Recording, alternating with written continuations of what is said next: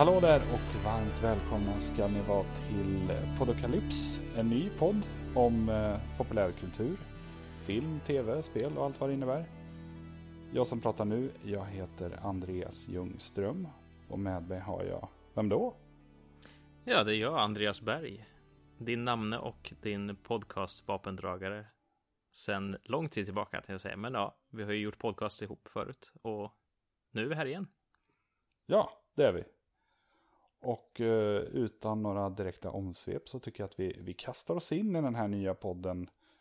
Och lite på samma tema som vårt namn Podokalyps så tänkte vi väl börja med att prata om eh, apokalyps, undergång och allt det där som vi tycker är väldigt spännande som scenario åtminstone. Kanske inte Mm. om det skulle hända i verkligheten. Nej, precis. Och det är väl kanske vi ska angränsa nu till det som inte är lika häftigt och lika härligt. Att börja tänka på vad skulle hända om vi faktiskt hamnar i en sån situation själva. Ja, precis. Hur, hur, hur ser det ut för din del? Hur beredd är du på när eller om eh, någonting så här katastrof, katastrofaktigt skulle inträffa, tror du?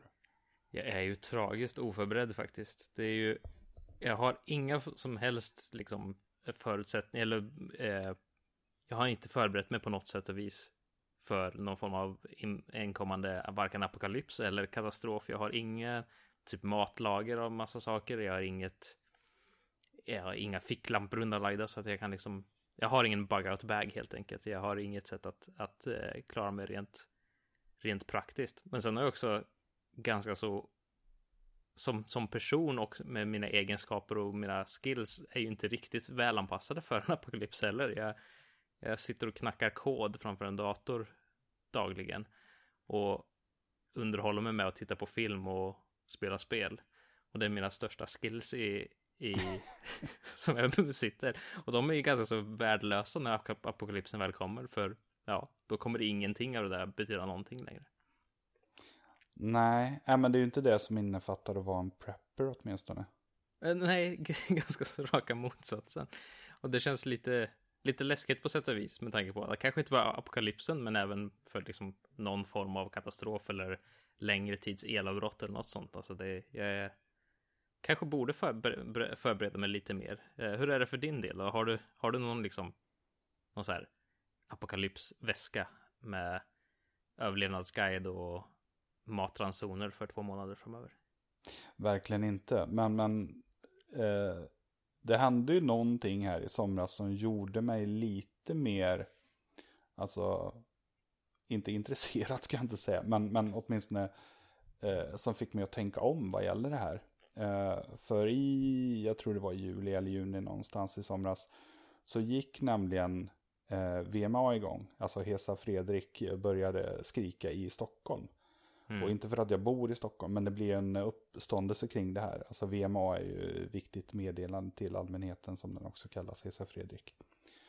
Eh, och eh, det här inträffade ju på en söndagkväll och vanligtvis så, så sker ju det här alarmet som ett test eh, under den första måndagen under vissa månader per år. Mm. Nu har jag inte det i huvudet exakt här. Men den här informationen kan man säkert få. Någonstans Man vet ju i alla fall att ställe. är klockan exakt tre på en måndag så är det troligtvis testomgången. Exakt. Men det här, det här testet som skulle varit tyst gick fel och det göd för alla invånare i åtminstone Stockholm. Eh, Det som gör mig jävligt orolig och nojig är ju att hela jävla systemet kollapsar ju med en gång. Liksom för att folk börjar ju eh, ninja-googla höll jag på säga, men, men försökte ta reda på information på nätet på både MSBs hemsida, alltså Myndigheten för säkerhet och beredskap, och SOS Alarms hemsidor. Så allt där överbelastades eh, när alla liksom väldigt oroliga stockholmare försökte söka information. Eh, Så det gör ju en liksom lite så här, eh, hur skulle Sverige klara av en, en, en stundande apokalyps eller ett katastrofscenario, kanske av ett lite mindre slag då, som, som är mer troligt förmodar jag. Eh, Jag, jag är lite så här skeptisk till hur det skulle funka då. Alltså, försöker man att stötta upp sidorna då, eller liksom... är de inte, borde de inte redan nu vara jävligt, alltså klara av hög belastning kan man tycka? Eller? Jo, det, alltså det är ganska så sen eftertanke om man efter någon form av katastrof eller apokalyps då först börjar försöka stötta upp sidorna så att de inte kraschar. Ja, men precis. Det är ju, det, det, de borde ju garanterat kunna hantera, eh, alltså att det liksom skalar upp på ett smidigt sätt. Det, det finns ju teknik för det. det. Det är ganska så pinsamt att, att så viktiga myndigheter inte klarar av det faktiskt.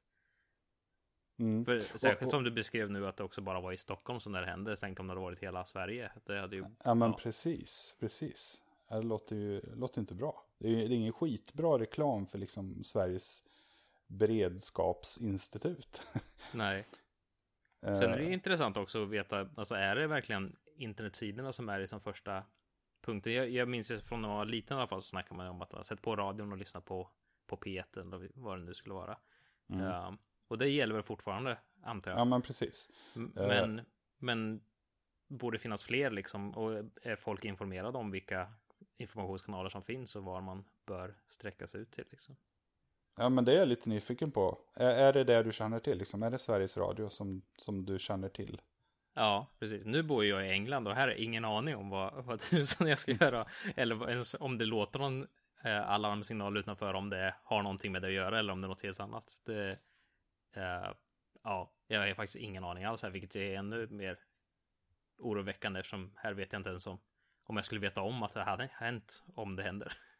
Men jag tror att det är, det, det är i likhet med hur de flesta, alltså hur medvetenheten ser ut vad gäller de flesta människor oavsett land kanske. Mm. Ja, jag vet inte, USA, i, amerikanare kanske har lite bättre koll. Det, är, det, det känns som ett mer nojigt folk kanske än mm. oss andra europeer i andra länder. Uh, ja.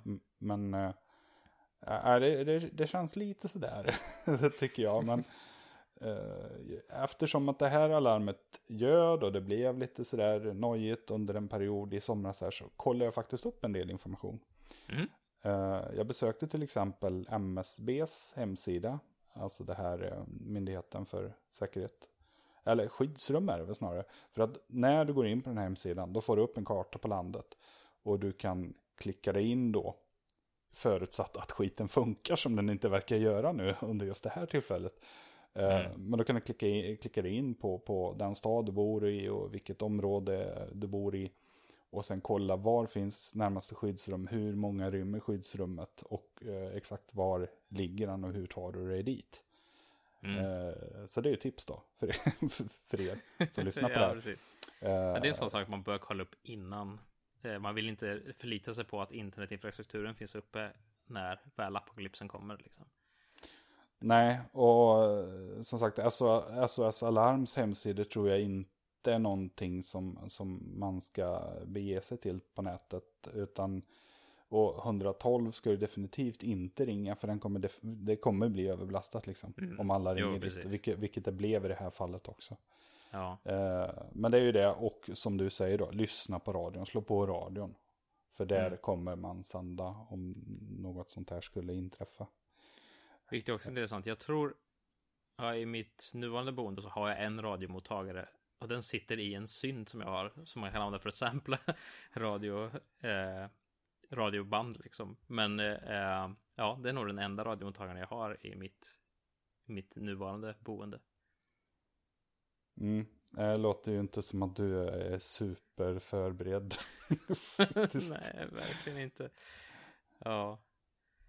Ja, ja men eh, och sen, sen så är jag liksom lite sådär också, vad gäller Sverige kontra övriga världen? Och då, då, är det, mm. då ligger det ju kanske närmast Eftersom man är lite så här, åtminstone jag då, är lite eh, alltså apokalypsbesatt eller och, mm -hmm. och sådär. Så att det man har sett på film och sådär är såklart överdrivet. Eh, men hur vi i Sverige till exempel skulle bete oss om, om en katastrof skulle inträffa tror jag skiljer sig extremt mycket mot hur amerikanare skulle agera. Liksom, mm, I USA, där, där, där, där, har du ju typ eh, automatvapen i köket ungefär. Eh, och, och, skulle zombierna komma så du, kan du gå ut och peppra liksom och skydda dig själv. Medan här har vi liksom, jag, jag tittar på Allt för Sverige, jag vet inte om du känner till det.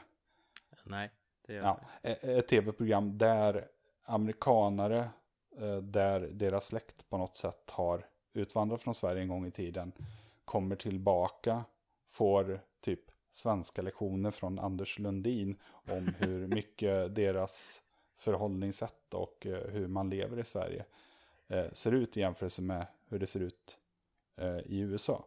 Och, och, man, och man märker ju väldigt tydligt att det finns ju väldigt många olikheter vad gäller amerikanare och svenskar. Svenskar är ju liksom mer tillbakadragna Mm. medan amerikaner är mer utåtriktade. Det är liksom mer känslorna på tröjan, man bölar för minsta lilla. Det, det skapas väldigt mycket mer drama, känns Mm. det som. Nej, Eh, men det, det måste nu, nu generaliserar jag givetvis. Det kanske inte gäller alla svenskar och alla amerikaner. Men, men det är ju lite så man har uppfattat det åtminstone. Självklart inte, men eh, jag har en liten rolig anekdot kring, jag, jag jobbar ju för ett amerikanskt företag här i England och när, eh, när jag skulle gå in i intervjuprocessen så, så sa de på förhand, vi vet att ni svenskar är ganska tillbakadragna och vi kommer inte förvä- förvänta oss inte att ni ska vara tillbakadragna utan skryt om allt du gör, säg att du är bäst i världen för det är det vi vill höra liksom. Och det sa Ja. de rakt upp och ner till dem så de var medvetna om den kulturskillnaden, så den, den finns garanterat. Det är, det är inte bara en generalisering. Det, sen så är det såklart, finns det såklart i, eh, undantag åt båda hållen, men Jo, jo självklart. Jag, jag, jag lät jävligt fördomsfull här, anser, eller inser jag. Men ja, nej. Det är, det är lite min uppfattning och kanske mångas uppfattning också tror jag. Uh, nej, men det, amerikaner känns mer handlingskraftiga. Och de, Mm. de har ju redskap till att kanske skydda sig själva. Vilket jag kanske inte tycker är eh, helt okej alla gånger. Eh, Nej, alltså Men- när mot zombies och när apokalypsen kommer så är det jättebra att man har massa auto- automatvapen hemma om man nu har det. Eh, Men i andra fall Ja. kanske det inte känns lika bra. Nej, och på tal om det, det instiftades en, en ny lag i Texas läste jag om för ett tag sedan, vilket är en, tycker jag åtminstone en lite rolig anekdot. Ja, Där är det alltså okej att bära ett dolt vapen på universitetet, universitetet, alltså i skolan i Texas. Men däremot så får du absolut inte bära en dildo, det är straffbart. Ja just det, ja, precis. Vilket- Det var någon demonstration kring det va? När de Ja, sig- precis. De tog med sig dildos som, som putade upp ur, ur skolväskorna där. Ja. i, i någon protest mot den här lagen. Vilket Mm. är en helt jävla sjuk lag. Och, och de här vapenlagarna som råder framförallt, och tror jag, i Texas är ju eh, helt galna egentligen. Alltså det, du, får, du får ju ha hur mycket jävla vapen som helst verkar som. Och det verkar vara väldigt lätt att få tag i ett, i ett Mhm. vapen och en vapenlicens. Här i Sverige är det ju väldigt mer, alltså klurigt att få tillgång till ett vapen, har man ju förstått. Det är klart Precis. att det går om du är kriminell, eller på att säga, men, och har kontakter. Men, men eh, annars så, jag, jag kan liksom inte gå ut och köpa ett vapen i en, i en närbutik, vilket verkar Nej, vara fallet precis. i åtminstone Texas då. Eh, så på det viset så tror jag amerikanare står sig lite bättre om just det är den här utomjordiska invasionen som sker, eller om det är zombier, eller vad det nu kan tänkas vara. Om Mm. vi ska snöa in på det populärkulturella spåret. Och det gillar vi ju att göra såklart Jo, i den här precis. podcasten. Eh, och sen, sen tycker jag, jag gjorde faktiskt en, jag har en blogg som heter tentakelmonster.se, eller det är åtminstone där man når den. Brukar du eh, säga tentakel? Eh, tentakel, heter Tentakel, det. ja. Men, men jag, har, jag har en sån här, jag har, jag har några gamla såna här fel, eh, vad heter det? Jag kallar saker fel helt enkelt med ett Okej. Ja, sämre alltså, förklarande. Ja. Men, men, eh, men tentakelmonster ska det ju vara såklart. Ja, ja, Eh, det, ja, det stavas ju med bara ett K, så det kan ju vara rimligt. Och, om man nu vill så här, för sökmotorsoptimering och för att folk ska ska hitta till sidan så kan det vara bra. Ja, Precis. Ja, jag men det, var, det, var, det var exakt så jag tänkte här. Yes. Det var bara upplysande information. Så Mm. det var därför jag uttalade det helt galet. Ja, Men det finns mycket sånt där. Länge så trodde jag att, att man var eh, skitnördig och inte skitnödig. typ vid 16 års ålder så lyckades jag liksom ändra på... på... Men vänta, när folk gick på toaletten och sa att de var skitnördiga så tyckte inte du det var konstigt eller? Eller är det något annat sammanhang du menar nu? Nej, men jag, ja, nej jag vet inte. det är ju fantastiskt här. Jag är skitnördig, jag måste gå på toa. Ja, men verkligen. Ja. men nördig var nog inte ett begrepp. Eh, riktigt på samma sätt som det är Nej, idag. okej, nej, under den det. perioden eller den tiden. Så de har Jag- mer bara det tillagt R fast samma betydelse. Ja. Ja. Nej, men jag har fel och brister även om man inte kan kanske tro det. Så är det tyvärr. Ja, Eh, även solen har sina fläckar. ja. Men på tentakelmonster.se så, så, så genomförde jag en intervju med eh, Lova Löfven, heter en författare som har skrivit just en eh, apokalypsroman, en svensk, eh, som heter Trojanerna. Eh, och då ställde jag en fråga angående det här. Eh, om just de här eh, skillnaderna mellan svenska apokalypshistorier och amerikanska. Vi är mm. inte direkt bortskämda med de här. Eh, men då uttryckte hon sig så att liksom, vi är inga Rambo som svingar sig ner i eldstrider liksom, från en brinnande helikopter. Eh, och eh, vi fixar liksom inte den typen av apokalypser.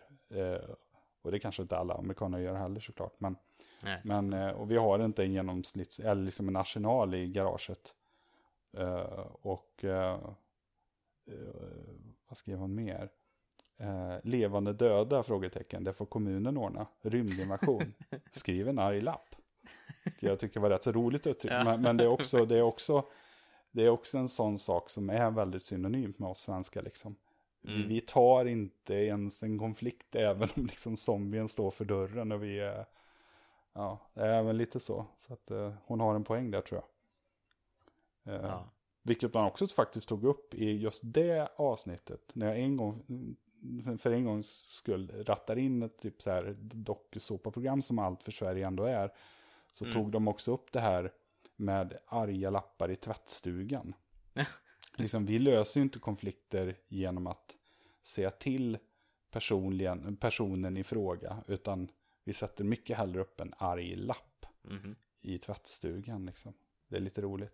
Ja, det är verkligen. Ja, det, jag har varit jag har varit på eh, mottagande änden av flera, flera arga lappar under mitt liv. Aldrig skrivit en arg lapp själv dock. Nej. Nej, det, det borde du göra. Du är inte en riktig svensk tror jag inte. Nej, precis. Gjort det. Men eh, jag tar inga konflikter heller, så det är bara riktar allting inombords istället in i det här djupa mörkret som jag har inom mig. Så. Ja. Åh, vad härligt upplyftande det låter. ja. Ja, nej, men, ja, men jag tycker hela, allt det här med just uh, katastrofberedskapen i Sverige är lite olycksbådande. Uh, mm. Så att uh, jag vill ändå ta upp det. Och sen, på tal om just svenska apokalypshistorier, det, det finns väldigt mycket nu. Mm. Trojanerna nämnde jag från Lova Löfven. mycket bra. Men, men det är en annorlunda typ av apokalypshistoria. På grund av att den, den utspelar sig i Sverige. Vad är det för apokalyps vi pratar om i Trojanerna? Uh, det är ett, uh, det är en invasion av ett slag. Det är väldigt mystiskt. Uh, mm. Och det är, The Thing har ju du sett med många andra. Mm. Till exempel där man inte kan lita på vem riktigt som är vem. Utan de, de tar en skepnad av människor. Ah, okay. Men inuti människorna döljer det sig någonting annat. Ett annat medvetande som liksom tar över och förstör och skapar kaos i världen. Och eh, folk begår självmord av outgrundliga anledningar och sådana saker. Ja. Den är läskig och, och, eh, det svenska känner man liksom igen i att den är mer eh, intim. Den är mer liksom, apokalypsen sker nästan i stillhet. Det, det är så mycket lugnare än vad de här amerikanska apokalypshistorierna. Det är liksom, ja, det är ju det här med Rambo ungefär. Att man svingar sig omkring i typ eh, lianer, höll jag på att säga, med, med, med vapnen i högsta hugg och bara meja ner de här hoten som kommer. Mm. Eh. Ja, det är väl i alla fall vanligast förekommande i Hollywood. Hollywood-apokalypsen så att säga. Ja, men är inte det ändå den vanligaste och det man förknippar med just det, liksom så här undergångsberättelser? Tror jag. Jo, det, det tror jag absolut. Det, ja. det, det är ju blockbuster postapokalypsfilmen är väl det som är poster child för, för eh, apokalypsen som, som populärkultur. Så det är klart, det, eh, men som du varit inne på, alltså, jag, jag har inte så stor erfarenhet av svensk postapokalyps, men eh, vi nämnde här tidigare in, innan inspelningen Stjärnklart. Mm. Eh, den här ja, första delen i den här bokserien som, som väl utspelar sig under en apokalyps snarare än postapokalyps, men även bitvis postapokalyps också i, i, i den här första boken. Och sen mm. så kommer det två böcker efter det också, eller det finns två böcker efter det också, Stjärn, Stjärnfall och Stjärndamm. Ja, och, och, de är också, som du är inne på, mycket mer tillbakadragna. Inte, inte, I alla fall den, den första Stjärnklart där, han är ju mer jordnära eh, på ett sånt sätt som, som kanske i amerikanskt motsvarighet skulle vara typ The Road möjligtvis. Eh, även om det är väldigt olika typer av berättelser så är det väl. Ja. Mm. Ja, mer den, den är, mer den är ju, misär och mindre action. ja men verkligen. Ja. Det är Även om jag kan tycka liksom uppföljarna till Stjärnklart eh, är mer militär sci-fi. Liksom. Det, är, det är ändå lite amerikansk känsla i det. Även om det inte liksom Mm. eh, presidenten skildras inte stå där och gasta liksom medan de, de eh, har infiltrationsstyrkor och det är fan militärstyrkor både här och där. Här är liksom ett litet tight team snarare liksom. Så det är ändå Mm. lite svenskt på det sättet. Det kan jag hålla med om. Precis. Eh, ja men den, den gillar jag. Jag vet att du inte är lika förtjust kanske i fortsättningsböckerna där. Men, men ja, Nej, jag, jag tappar den i andra boken. Det, som du var inne på så går det mot något lite annat. Lite mindre, eh, vad säger jag, stilla misär och lite mer eh, sci-fi pang pang. action. Ja, Ja, precis. pang. ja verkligen. På ett sätt som inte jag tyckte passade så jättebra i den. Men, men första boken rekommenderar jag ändå. Jag tycker den, den är klart värd i sig själv. Bara liksom. Om vi, om vi ska avsluta med, med ytterligare ett boktips Mm, här så läste jag rätt så nyligen första hösten Blå gryning som är också det är den första delen i en trilogi skriven av eh, Emily Petersen Uggla. Eh, och det är också, det är liksom apokalyps, eller apokalypsen sker på grund av en epidemi där eh, några okända blå blommor en dag börjar poppa upp eh, Mhm. i Sverige. Eh, det, det, det är liksom också det, det känns väldigt svenskt, det är väldigt så reflekterande, analyserande, var kommer blommorna ifrån och vetenskapsmän kliar sig i huvudet och förstår liksom inte riktigt. Eh, men sen utbry, eh, utbryter det någon typ av liksom epidemi och det, det, vi får någon monsterlika varelser som, som löper amok. Men alltså, den börjar vara stillsam, men sen blir den rätt så actionbetonad. Det, det, det är liksom härlig, blodig underhållningsskräck, action, eh, dystopi liksom. Eh, ja, men den gillar jag väldigt mycket. Den är, den är lite osvensk, men ändå, ändå känns den liksom. Det är ju en blågul kuliss på många sätt. Så att, så att det blir ändå någonting som, som är väldigt annorlunda gentemot den eh, amerikanska liksom a- apokalyps. Eller apokalyps. det skulle komma någon gång, jag visste det. ja, men eh, litteratur av det slaget säger vi istället. Det är ju, alltså din felsägning är ju, gör ju att jag måste nämna mitt eh, spin-off. Vi har planerat en spin-off på den här podden som då blir Ja, det. Poddkalops. som är en, eh, en eh, matpodcast om podd och kalopser. Ja, då måste det, måste det verkligen vara rätter som, som man nästan spränger innan man ätit dem. Så att det blir liksom apokalyptisk också. Jag antar att Precis, just man det, lägger i en sån här gammal smällare i mat. Jag lägger in den i någon form av så här radioaktiv eh, kärna i, i, i grytan så att säga. Så att den värmer upp den inifrån.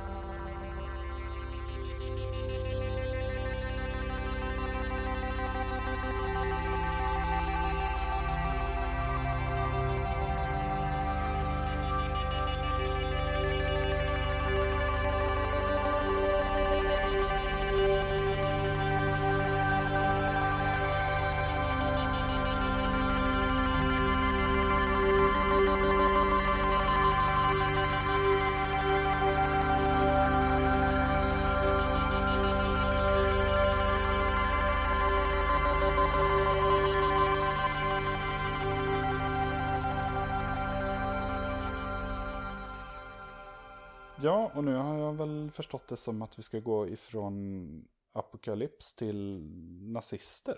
Eller? Ja, precis. Det, det är helt riktigt. Ja, och det tänker specifikt då på det här nya spelet Wolfenstein 2. Eh, så har den typ The New Colossus eller något sånt, tror jag är undertiteln. Eh, det är i alla fall uppföljaren på svenskutvecklade remaken av det här gamla första personskjutarspelet Wolfenstein. Eh, och Wolfenstein i sin ursprung utspelar sig ju på andra världskriget typ, där man slåss mot nazister och till slutändan får möta Mecka-Hitler. Alltså Hitler i en stor mech-suit. Eh, den här nya Wolfenstein-serien från Machine Games, som de heter, de svenska spelutvecklarna, eh, är ju lite mer ja, inte riktigt samma, samma story som den tidigare, utan det är istället nazisterna vann andra världskriget. Eh, och vi befinner oss nu på 60-talet i USA där BJ Blazkowicz tillsammans med sina eh, kollegor försöker besegra nazisterna som då har tagit över hela världen och numera är de som regerar. Eh, så det är inte direkt apokalyps, men det är garanterat dystopi för alla som inte gillar nazister i alla fall. Mm, om man gillar nazister då, då blir man ännu gladare över det här spelet då, antar jag. Eller tvärtom kanske. Det är väl de som dör. Ja, alltså det beror lite på hur man ser det. Det är ju um, väldigt...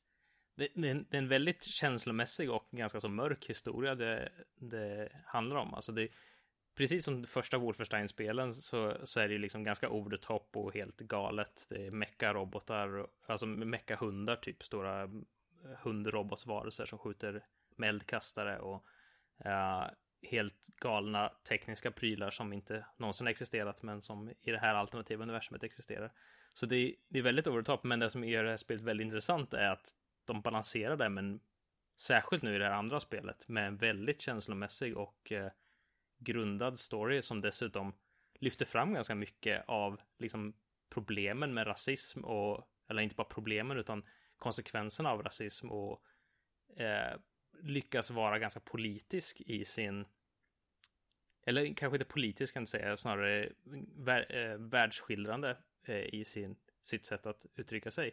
Vilket förvånar mig ganska så ordentligt för för mig så har Wolfenstein alltid varit det här lite galna, lite knasiga. Men här blir det nästan, ja, nästan verkligare än många av de Call of Duty eller annat som, som skildrar vad som ska vara mer realistiska krig. Ja, det var verkligen ingenting som jag kände till faktiskt. Nej, och jag tror inte det är jättemånga som gör det. Uh, det kom, blev en liten kontrovers precis innan, innan spelet skulle släppas när uh, Machine Games i, ett, i en tweet tweetade ut att nu kan du förboka Wolfenstein 2, Make America Nazi Free Again. Mm. Uh, och kontroversen som uppstod där var ju, många reagerade ju på att okej, varför är det en kontrovers? Det är väl ingen kontrovers att man vill göra så med nazister, men ganska så givet så var det ju användandet av, ja, nuvarande presidenten i USA, Donald Trump, hans Make America Great Again slogan som återanvändes här fast för för att ja, promota det här spelet med nazistkoppling. Eh, och som säkert många vet så är ju Trump långt ifrån helt oassocierad med höger högerextremer och eh, kanske till och med rasism och nazism. Det beror på vem man frågar eh, och vilka källor man har. Men ja, han är ju garanterat inte helt fri från rasismfläckar, vilket gjorde det såklart för Trump-sympatörer Trump så är det ju säkert kliat lite eller stuckit lite i ögonen uh, att få läsa det där. Mm. Det kan han ha. Och de med. Ja, faktiskt. men och det som, alltså nu vill jag inte spoila någonting av spelet för jag tycker det är um, för att göra en, en, kort litet omdöme om spelet så är det spelmekaniskt och själva actionbiten i spelet tycker jag faktiskt inte alls mycket om överhuvudtaget. Men alla mellansekvenser och alla så, så stora story beats i spelet är helt fenomenala. Så pass mycket att de är klart värt att spela. Även om spelet skulle varit skitdåligt övrigt så skulle det fortfarande vara riktigt värt. Um, jag kan nämna bara några få så små saker som händer ganska tidigt. Bland annat får man se lite flashbacks till och BJ Blazkowicz som från början bara var en liten figur i första det här Wolfenstein 3D-spelet. som nu bara var ett ansikte som visade hur mycket hälsa du hade. Uh, blödde lite näsblod när man hade tagit skada. Och, Men ja, precis, det är från det allra första spelet då. Precis. Ja, just det, det, ja. det är ju samma karaktär som används nu, men mm. nu helt plötsligt har han eh, liksom vuxit ut och blivit någon form av... I det första Wolfenstein-spelet så utsätts han för hur mycket stryk som helst. Och han kommer in i andra spelet och är nästan helt, ja, mer eller mindre sönderslagen. Och man hör hela tiden en inre monolog från honom. Eh, om hur typ, jag kommer inte överleva länge till. Eh, vad lämnar jag kvar liksom? Vad, kommer jag lämna det här, den här jorden? Vad har jag gjort för avtryck? Är jag en god människa? Väldigt så här, djupa filosofiska teman. Ja, det, det låter samtidigt... som ett väldigt, liksom, både ett kul grepp men också väldigt nostalgiskt grepp liksom för de som har spelat mm. det första gamla spelet. Precis. Uh, och, och på det så ges det då lite flashbacks till hans barndom och uh, hans då som man får lära känna här i det här spelet, hans far eh, som både ja, slår honom och, och hans mamma och behandlar dem som Oj. skit och är en riktig, riktig jävel. Och det görs liksom på ett väldigt, säga, på, på, ett väldigt kraftfullt sätt och inte alls liksom plojigt eller, utan de scenerna är verkligen jättekänslomässiga och jätte, jätte, man blir riktigt tagen och man börjar verkligen känna för den här BJ Blazkowicz som, Bara hans namn är ju ett skämt, men man börjar känna för honom och han utvecklas till att kanske bli en av de bäst skrivna, skrivna spelkaraktärerna på många, många år.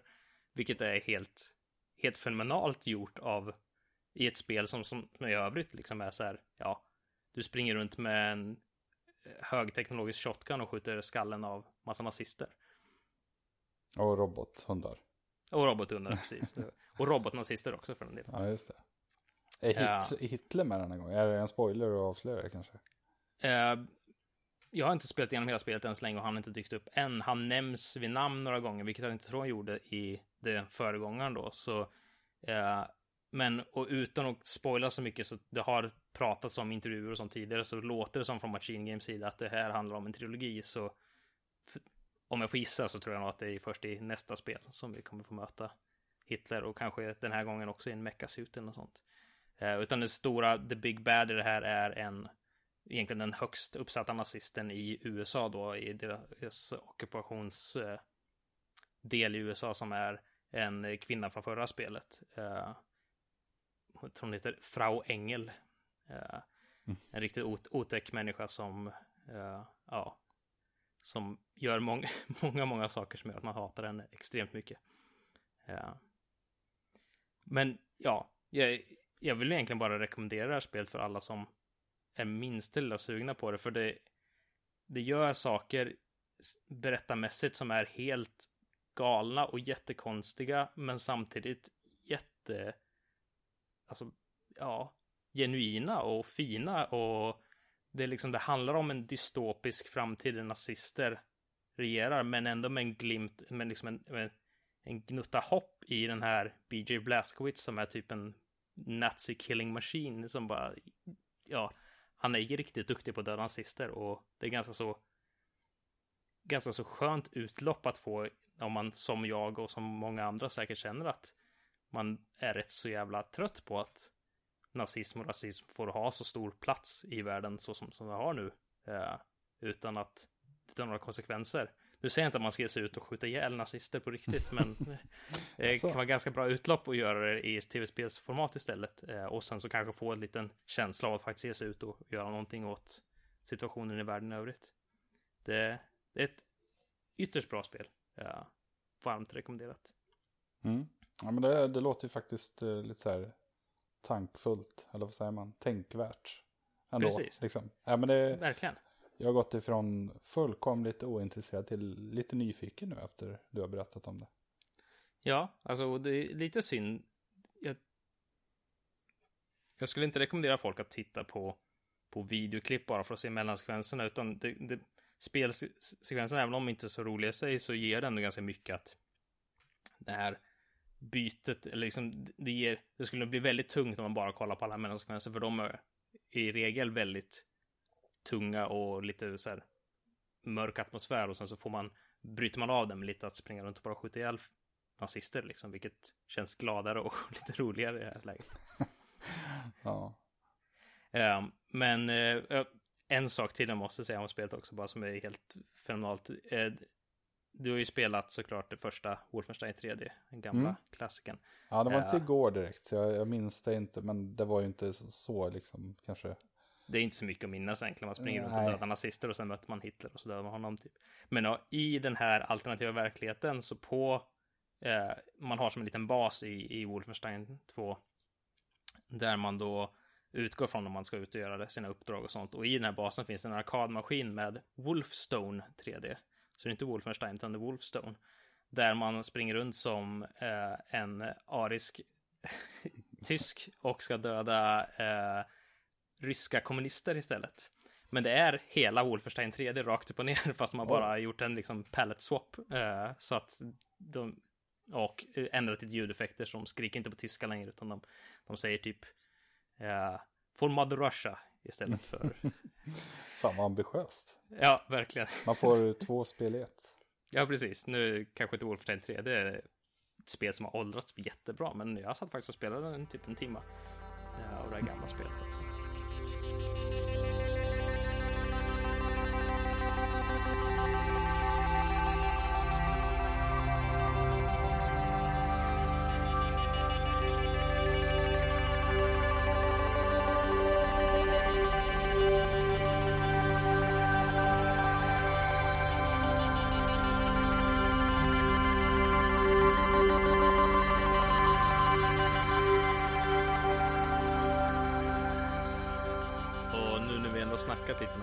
Och sånt kan vi ändå fortsätta på temat och snacka om folk som är sliskiga idioter eller rövhattar som jag skulle Ja. beskriva dem som. Så står det i vårt eh, körschema för övrigt. Rö- Ja, precis. Rövhattar. Det är Rövhattar, ett ja. bra ord. Och då tänker jag specifikt på de här kändisarna som i, alltså som, du nämnde precis innan vi började spela in här nu, svallvågorna av uh, MeToo-kampanjen så har ju, ja, det började väl egentligen med han Harvey Weinstein eh, som drog igång den här riktiga svallvågen av massa folk som, som outats som sexuella predators eller på annat sätt, ja, folk som betett sig riktigt illa och, och nästan alltid på sexuell natur mot antingen, eller oftast kvinnor, men även eh, i vissa fall män. Då. Eh, och nu senast så är det väl det största senaste har väl varit då Kevin Spacey och eh, de här anklagelserna mot honom om att han verkar ju ganska så uppenbarligen ha sexuellt ofredat en massa eh, andra skådespelare. Och framförallt då, alltså personer som, som är av ringa ålder. Eller liksom, det är väl 14-åringar och 17-åringar och 16-åringar. Och, Eh, Sådär.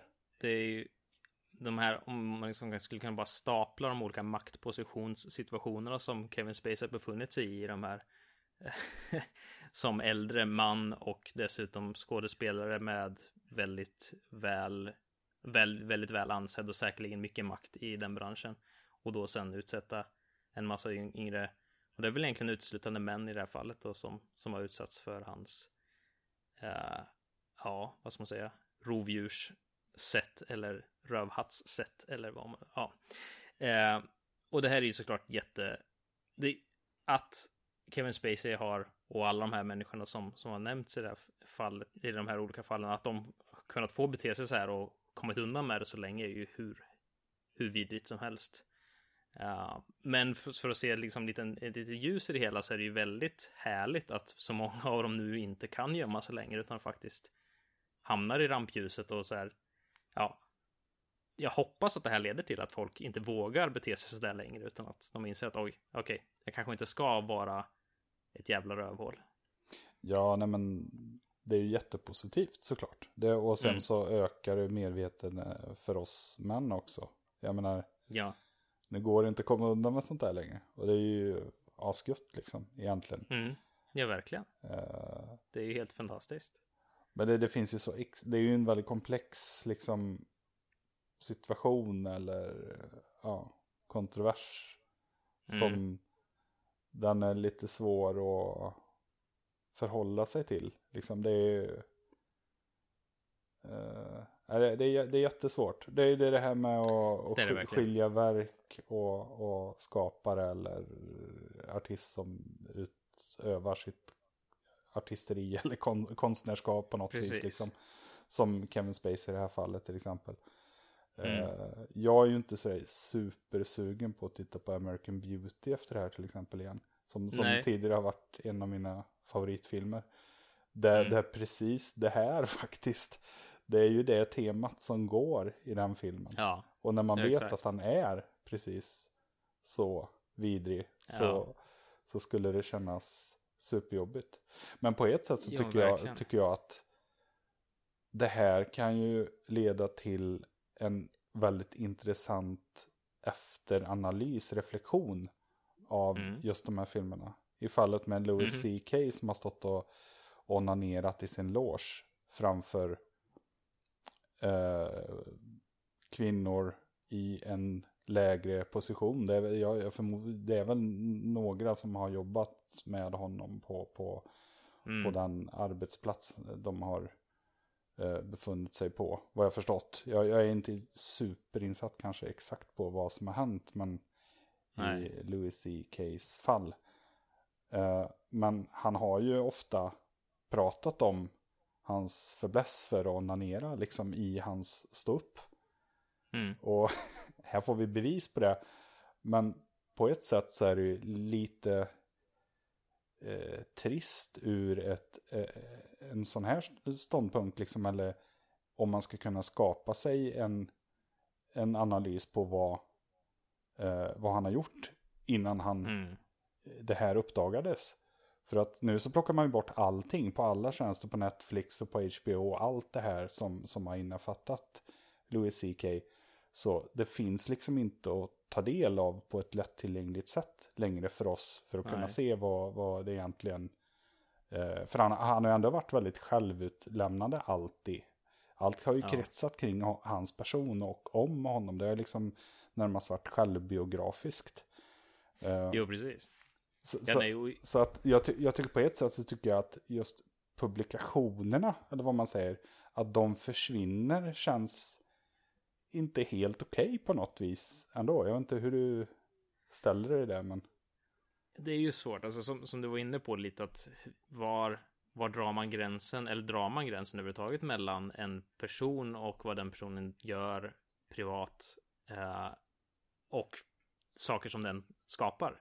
Eh, och i fallet Louis CK så är det väl ganska svårt att dra en gränsdragning emellan eftersom precis som du säger, hans standup handlar om han själv och i princip allt han har gjort handlar om honom som person och han driver med saker som nu får ett lite annat ljus. Det är ju det är väl i, i det här fallet så är det framförallt den stora frågan om, ja som du var inne på också, att är det personer i, i en lägre maktposition som inte riktigt har möjligheten, eller känner i alla fall att de inte har möjligheten att säga nej i ett sånt här läge så är det väldigt obehagligt. Vill man stå och onanera framför någon, någon annan människa och den personen är fine med det och tycker att det är jättekul, go ahead, gör det liksom. Det finns ju inget problem med det, men det blir ju ett problem, problem när det är som många nu, nu kommer fram och säger att nej men det här var inte någonting jag ville liksom. Det var ju, jag kände mig tvingad till att göra det. mm. Eh, och det är då det blir väldigt, väldigt obehagligt och sånt. Och jag tycker ju också att det ska ju finnas konsekvenser för, för sådant här beteende. Liksom. Är, är man en rövhatt så ska, ska man liksom inte komma undan med det. Och i fallet med att Netflix plockar ner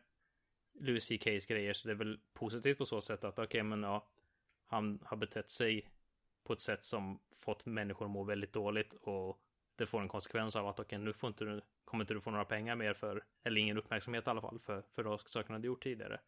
För att vi vill inte förknippas med det. ja. Men samtidigt så, så förstår jag din, din, din inställning också, så att det är ju sakerna finns fortfarande. Det är inte så att de har försvunnit bara för att man plockar ner dem från Netflix. Eh, Men de blir mer svåråtkomliga och som sagt svårare att skapa sin egen bild kanske av men, men, men Louis CK som, som artist. är inte det lite Ja. riskabelt ändå? För att man suddar ju ut problemet. Alltså, det, är- det är samtidigt så här, jag förmodar att eh, vad gäller Kevin Spacey så, här, så har det ju också liksom uppdagats att det här har pågått under hela hans jävla Mm. karriär. Liksom. Att han har ju varit Ja, ett, en rövhatt som du uttryckte. Liksom Mm. under jävligt lång tid. Och Mm. eh, jag menar, det är ju faktiskt ändå publikationerna som har låtit det ske. Så det de gör nu, de, de suddar ju ut ett problem för att skydda sitt varumärke. Så, så de är ju också lite hycklare eller fegisar på något Mm, sätt ja. som inte står för det. Och jag tror ju att i, i det här fallet när saker tas bort från tjänster, det är ju för att de vill att allt rampljus, eller vad man ska kalla det, ska riktas åt personen som har begått såklart en idiotisk handling. Eh, men samtidigt så är det ju, i, deras fall är det ju förmodligen för att, att de ska försvinna från, från radarn lite grann. Eh, och som sagt inte svärta, svärta ner deras varumärke. Ja, alltså det är ju det finns ju så många, så många lager för det här. Så Ja, jo, är absolut. Helt otroligt. Eh, Tar vi Kevin Spacey som exempel så eh, den här kommande Ridley Scott-filmen som han skulle spela en hyfsat stor roll i, om jag förstår saken rätt, eh, All the Money in the World. Eh, där så har de ju valt att gå tillbaka och spela in alla scener igen, fast med Christopher Plummer istället. Mm. Ja, det. Eh, och det är ju en väldigt kostsam historia och folk pratar om det som att ja, men, här väljer man eh, typ moral framför pengar. Men det är ju inte så enkelt som du varit inne på. Det handlar ju också om varumärke för dem. Alltså att filmstudion och eh, Ridley Scott och allt det här, alltså släpper de en film med Kevin Spacey i en stor roll när den här skandalen är så färskt i minnet så innebär det troligtvis att många kommer bojkotta filmen. Så det är nog även en ekonomiskt sett kanske vinst att gå tillbaka och spela in de här scenerna igen och byta ut dem bara för att slippa den här stämpeln och kanske till och med att man får lite goodwill och så tjänar man extra mm. lite pengar. Nej, så det är klart ja. att det, jo, jo. det, det, finns ju, finns ju hur många hur många motiv som helst bakom mm. Eh, besluten, men jag landar nog ändå lite i att jag tycker det är positivt att man på något sätt, som i fallet med Kevin Spacey, eh, ju, han, att man nu väljer att inte fortsätta med honom i House of Cards överhuvudtaget till exempel, vilket kanske innebär att serien kommer läggas ner helt och hållet eller vad, som, vad, som, vad det nu innebär. Det är ju jättetråkigt att vi inte får se mer House of Cards, tycker jag personligen, men samtidigt så tycker jag att det är, en, det är ändå en bra grej att att han liksom inte kan fortsätta få spela en stor roll och få den uppmärksamheten han fått utan att nu har man satt ner foten och säger nej. Men, men i fallet med House of Cards, han är ju ett äckligt svin i den serien med ju. Passar, det inte, passar det inte jävligt bra att ett äckligt svin spelar den rollen? Fast, nej. Eh, eller jo, på sätt och vis. Men, men för, för mig så är det ju så att alltså jag, skulle, jag, jag kan nog aldrig mer se House of Cards igen. Alltså jag, jag tyckte ändå att jag uppskattade Kevin Spaceys karaktär mycket bara för att jag tycker att han är en fantastiskt duktig skådespelare och mm. gjorde en jättebra roll i House of Cards. Uh, karaktären som sådan är ju jätteslisk och jättehemsk och man hatar honom uh, egentligen. Men jag uppskattar ändå lite på grund av alltså hantverket att spela en sån här vedervärdig karaktär. Ta en annan sån, liksom, sånt exempel som Joffrey i Game of Thrones som hatades av alla. Jag, kan, jag, jag uppskattar verkligen skådespelarens insats i en sån roll. Mm. Men den biten försvinner lite då när jag vet att han kanske bara... Alltså, han ja, spelar sig själv. Så, ja, precis. det blir lite för nära verkligheten och lite för... Ja, jag kan inte uppskatta det på samma sätt längre, vilket för mig är ganska fine. Ja, det, det, det är så det får vara. Det, det går inte att särskilja helt och hållet, men jag kan samtidigt tycka att det är svårt att veta att okej, okay, men om det finns filmer som tar det finns massa filmer Kevin Spacey. Min absoluta favoritfilm, The Usual Suspects, spelar en huvudroll i. Mm. Uh, kommer jag kunna se den igen och fortfarande uppskatta den? Vill jag se den igen och uppskatta den? Eller vill jag liksom skjuta undan allting? Jag, jag, jag har faktiskt inget bra svar på det för min, mig personligen. Och jag, jag vet inte riktigt var jag skulle ställa mig. Alltså att jag kommer ju troligtvis inte köpa en ny Kevin Spacey-film. För jag vill inte bidra mer pengar till, till honom. Men Usual Suspects som redan står i min hylla, om jag tittar på den eller inte, det påverkar egentligen inte Kevin Spacey någonting och Ja, mm. så jag vet faktiskt inte. Det, det, det är en intressant grej där. Kommer, kommer jag uppskatta eh, Usual Suspects lika mycket efter det här? Jag vet inte. Det... Men, men samtidigt är det så här också. Alltså, man straffar ju alla medverkande. Mm. Ja, men alltså det är ju en produkt. Och här har vi kanske ett team på flera hundra som, som gör en film eller en tv-serie eller vad det nu kan tänkas vara. Där ja. så många har lagt ner svett, tid, blod, pengar, möda på att göra en produkt. Och sen om mm. en i teamet är rövat. Så, bli, så blir ju faktiskt i slutändan alla påverkade och straffade på något vis. Precis. Det är, där, det är därför det är så jävla ja. svårt. Jag, jag tycker, jag, jag, du skrev också i körschemat om uh, Doug Tenaple, jag, jag vet inte fan hur man uttalar hans namn. Nej, men, men hur som helst, ett kärt gammalt nostalgiskt spel för mig är ju The Neverhood. Som skapades mm. av denna och han var en förgrundsfigur. Eh, bakom det här spelet, han, han, han höll i det artistiska. Vilket är en stor del av just det spelet. Det, det är ett spel som framställs i, i form av leranimationer. Jävligt snyggt, väldigt estetiskt mm. tilltalande. Uh, mm. Peka-klicka-äventyr från vad det nu kan tänkas vara, 90, slutet på 90-talet någonstans. Mm -hmm. de kickstartade en uppföljare som heter Army Krog, typ. Mm. Vet inte yeah. heller hur det uttalas exakt. Eh, där kontroversen blev att eh, den här Doug då hade uttalat sig jävligt illa om homosexuella tror jag det var. Mm. Och han tyckte att det var ja, alltså det är ju inte som Gud har skapat oss. Mannen ska älska kvinnan. Precis. Allt det här det jävla gamla eh, klassiska tänket vad gäller. Eh, ja, jag vet inte. Han, han, han, han drog ju någon liksom vals om att han var trogen kristen. Och mm. hans föräldrar har, har lärt honom så och så här som någon typ av ursäkt då. Vilket ja, jag inte tycker håller såklart. Jag tycker att han är en rövhatt. På grund av det Exakt. här, såklart. Mm. Men samtidigt i det här teamet så finns det så många som kämpar för att göra en uppföljare av ett spel. Och i det här fallet när det ändå kanske är ett uttalande som är jävligt fel för mig såklart. Mm. Men det är inte en handling som man kan avsky eller kan tycka var vidrig på det sättet. Så kickstartade jag faktiskt det här spelet ändå. Det gjorde jag. Mm. Eh, men jag känner precis som du känner med Kevin Spacey att det svärtar ner spelet lite grann. Det finns någonting som skaver. Det, det finns något som är lite jobbigt.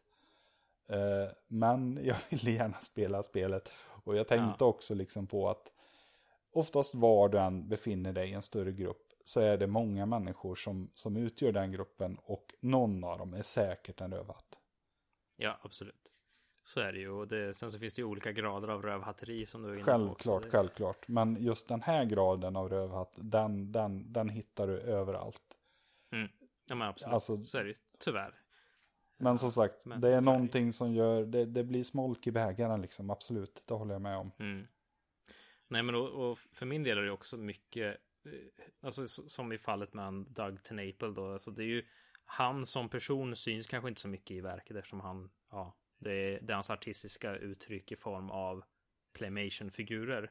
Eh, hade han varit kanske sång, eh, alltså musiker som skrev eh, lyrik som också på något sätt liksom kanske, ja, fra, frammanade hans homofobiska tankar Mm. hade det kanske varit lite problematiskare. Liksom. Även om det inte hade varit rakt upp och ner homofobisk musik så kan det vara svårare liksom, i det här läget. För då blir det då blir gränsdragningen mycket svårare. Ja, men det det, är ju det, när, när verken korsas med ett budskap som, som Mm. man inte kan stå bakom. Liksom. Då tycker jag det är fine. Men när det är den här Precis. typen av verk, liksom, då, då, då kan jag ändå skilja skaparen från just hantverket. Mm. Eller ja, Nej, kanske det- inte i alla lägen. Det beror såklart på Nej. handlingen eller uttalandet såklart. Exakt. Nej, men och, och för, för min del så är det väl liksom, ja, om vi tar Kevin Spacey-serien som, jag kommer nog sluta bes- beskriva honom som en av mina favoritskådisar, för han är absolut inte en av mina favoritpersoner i världen. Han är fortfarande väldigt duktig skådis, det kan liksom inte ta ifrån honom, men det, han som person har med den här vetskapen i mina ögon blivit så mycket mindre som människa så att han är inte alls liksom jag, jag beundrar honom inte lika på Mm. alls samma sätt som jag gjorde tidigare. Och det ser jag egentligen inget jättestort problem med. Det är ju klart det är synd att min favoritfilm kanske inte kommer vara min favoritfilm längre. Men samtidigt så är det ju eh, i, sett till det stora hela så är det ändå en positiv Absolut. grej att han inte längre kommer undan med skiten. Ja, men den här debatten är ju jävligt bra för alla parter, liksom, oavsett vilka, vilka som korsfästs, eller vad man ska säga. Liksom. Så, så är Mm. det såklart. Men, men sen, sen finns det en annan aspekt av det hela också. Eh, och det är ju Mm. liksom, hur ställer du till det här då? Om, ska vi bara låta icke osympatiska good guys liksom få utöva artisteri eller bli skådespelare eller producera någon form av kultur liksom. Man måste kunna dra gränsen någonstans. Alltså det måste ändå finnas idioter eller, eller galna genier som skapar någonting som är så otroligt bra men, men alltså de är helt ruttna på insidan. Mm. Eller, eller liksom hur... Alltså det, jag, jag tycker inte det finns ett, det kanske inte har framkommit, men jag tycker absolut att det finns ju liksom inget klart svar för alla, utan det, det tycker jag är något man bara personligen måste ag- agera utifrån. Jag tycker det är bra när man har vetskapen om att, alltså hellre att man vet om att okay, men den här personen är ett riktigt rövhål och så kan man göra ut, så kan man liksom bes, besluta utifrån det snarare än annat. Men sen så tycker jag det, det här är helt upp till var och en för sig. Eh, det är klart att begår man brott eller som i det här fallet liksom sexuella övergrepp så är det klart man ska komma undan med det. Eh, men om man bara råkar vara en människa som har helt vedervärdiga åsikter och uttrycker dem så kanske det liksom, ja, det är ju faktiskt upp till var och en att ta ställning till det och agera där ute därifrån. Eh, det finns ingenting som säger att man inte får eh, uttrycka sig så. Sen så kan man ju fördöma det och det gör jag ganska ofta också. Så ja, Nej, jag låter som en förespråkare av det här. Alltså, nej, det, är, ju- det är ju liksom inte det jag, jag, bara, jag bara ställer frågan. Men, men Mm, ja, nej, men jag alltså- håller med dig såklart. Det är, det är så det. Men samtidigt, vi hade inte haft någon H.P. Lovecraft idag. om det var idag han producerar sina böcker till exempel. Och ja, det, det finns ju ändå den, den delen av, av det hela också. Mm. Sådär. Inte för att han är världens bästa författare, men han just under den perioden så, så gjorde han ju något helt annat jämfört med alla andra. Mm, jo, precis. Nej, men det... Men som sagt, det är, det är väl upp till var och en och alltså låta på något sätt marknaden eller den totala massan av, av potentiella tittare eller lyssnare eller vad man nu gör för, för typ av verk eh, avgöra om, om det är framgångsrikt eller inte trots att man beter sig som, som ett rövhål. Det låter sunt tycker jag.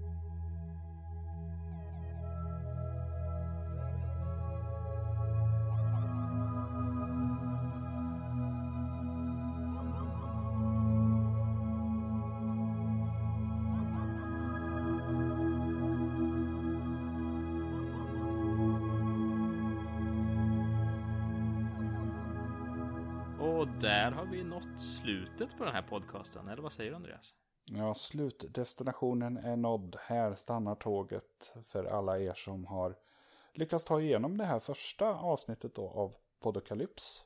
Ja, precis. Och det blev kanske lite annorlunda jämfört med vad jag tänkte att det skulle bli, men ja, jag har haft kul i alla fall. Ja, men jag med verkligen. Det är kul att talas vid igen. Det var ett tag sedan. Det var det verkligen. Så det, ja, det jag ser fram emot att spela in fler avsnitt, för det kommer det bli också. Ja, men det håller vi tummarna för. Och vi hoppas ju såklart, hoppas ju såklart att ni som har lyssnat har uppskattat våra diskussioner och reflektioner och så vidare. Och eh, just nu så, så har vi väl kanske inte så mycket informationssajter, eller vad ska man kalla det? Det finns ingen Twitter, ingen Facebook och sånt där, men det kanske dyker upp. Så att vi på väl det i så fall i nästa avsnitt. Precis, det, det lär finnas uppe när avsnittet dyker upp säkert och om det inte gör det så dyker det säkert upp framöver. Det, vi kommer informera er om ni lyssnar vidare. Ja, så gör det. Gör Ja. det. Annars får ni inte reda på något mer då. Som ni kanske inte vill ha reda på egentligen ändå. Men Nej. ja, Den stora cliffhanger är att vi ska avslöja vår Twitter-handle i nästa. ja, precis. Mm.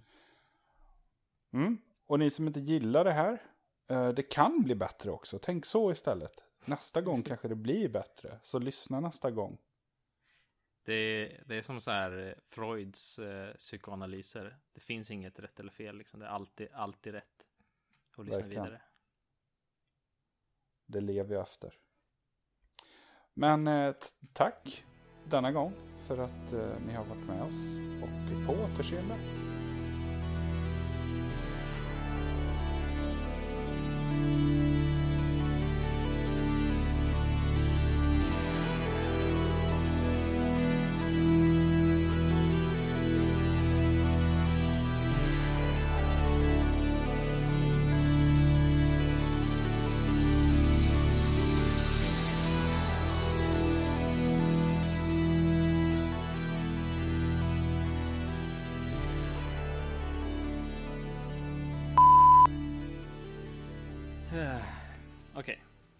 Nu ska vi komma på vad vi ska säga också. Och så tänker jag att vi kommer på någonting och då blir det inspelat. Absolut. Ja, och där så har vi styrt våran populärkulturella skuta i mål tror jag minsann. Ja, Och det där lät, lät lite som, som man är tror jag. Med eh, en polyälskande pensionär. Så att det, det tar vi om. en polyälskande pensionär. Ja. Jag fick kritik för det. Inte så länge. Nej, men, äh, poly, nej vad fan, inte poly. Bridgeblandning är det ju. Bridge, ja, bridge, ja, och jag älskar. Det var nog, Ja, alltså- Jag gjorde en intervju med någon annan sån här bokbloggare. Som Ja. ville intervjua mig. Och då uh, undrar han vad jag åt för godis av någon anledning. Han gillar häxvrå liksom. Det är också lite pensionärs. Men bridgeblandning var ju ytterligare ett steg mot pensionärsåldern. Ja, alltså det är ju bara marmeladkulor som är över det. Sen så är det, Ja, det är marmeladkulor nästa och sen är det död. fast fan vad gott det med marmeladkulor faktiskt. ja, jag tycker också det. Ja, Jag, det är jag har alltid gillat så här far, farmors godis och grejer. Ja, ja. Typ eh, Anton Bergs så här plommon i Madeira. Nej, men, Också lite ja, pensionärsgodis. Verkligen. Ja, Hur gammal sa du att du var? 100? Ja, 135. Nej. Ehm, ja, var det vårt slut där? Vad kul. Abrupt tycker jag. Marmeladkulor. Nej, har du någon idé? Alltså, ja, men det är ju ungefär något med att styrt i mål. Inte skutan för helvete. Men... Skutan i mål. Nej men du, den här. Segeltävling. Ja. Nej men du Andreas, nu har jag fått ett litet sug att eh, gå och onanera framför, framför ett, ett gäng ont anande kvinnor tror jag i logen. Alltså, Så att jag tror att vi rundar, rundar av här för denna gång. Nej. Nej, ja, den, den satt inte som en smäck kanske. jag kunde inte hålla mig. Åh oh, shit. Dessutom så kommer jag av mig halvvägs in. Åh oh. oh, herregud. Det är sådana outtakes, eller vad heter det? Ja, precis. Det är, det, det, just det, det blir till våra sådana här Patreon-följare sen. Just det. Det är så här exklusiva bakom kulisserna-klipp. Ifrån Podacalypse. Vi snackar om onani och marmeladkulor. Mm. Fan, det är ett ganska bra namn på en podcast faktiskt. Onani och marmeladkulor. Verkligen. Men vad ska den handla om? Det kan ju inte bara handla om det. Nej, nej, det ska ju handla om något helt annat. Såklart. Ja, ja. Det ska bara heta onani och marmeladkulor. Ja, jag tycker vi byter namn.